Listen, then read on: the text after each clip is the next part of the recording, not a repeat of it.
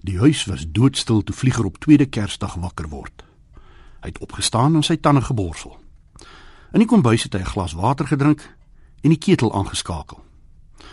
Behalwe vir die halwe vrugtekoek in 'n omgekeerde Tupperware koekblik op die kas en blou krinkelpyper en 'n papperige rooi ballon aan die eetkamer lig, was daar geen teken van die vorige dag se lang middagete nie.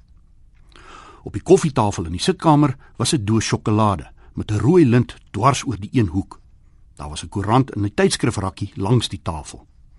Vlieger het dit uitgehaal en weer na sy matriekuitslae gekyk. Na 3 dae kon hy steeds nie glo hy het 'n eerste klas matriek gekry nie. Ek is so trots op jou, pa ook. Al sal hy dit nooit vir jou sê nie.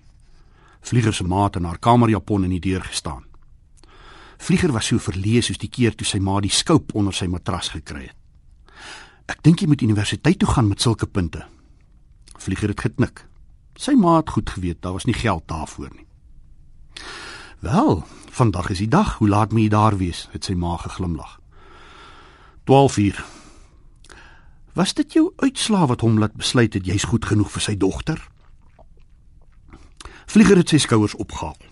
Hy was net so uit die veld geslaan toe Lis die dag na die uitslag sê haar pa wil hê hy moet tweede Kersdag by hulle kom eet. Om 12uur was hulle langs Lis se swembad. Lis se Portugese ouma het 'n snor gehad en haar Afrikaanse ouma het een Lexington na die ander gerook.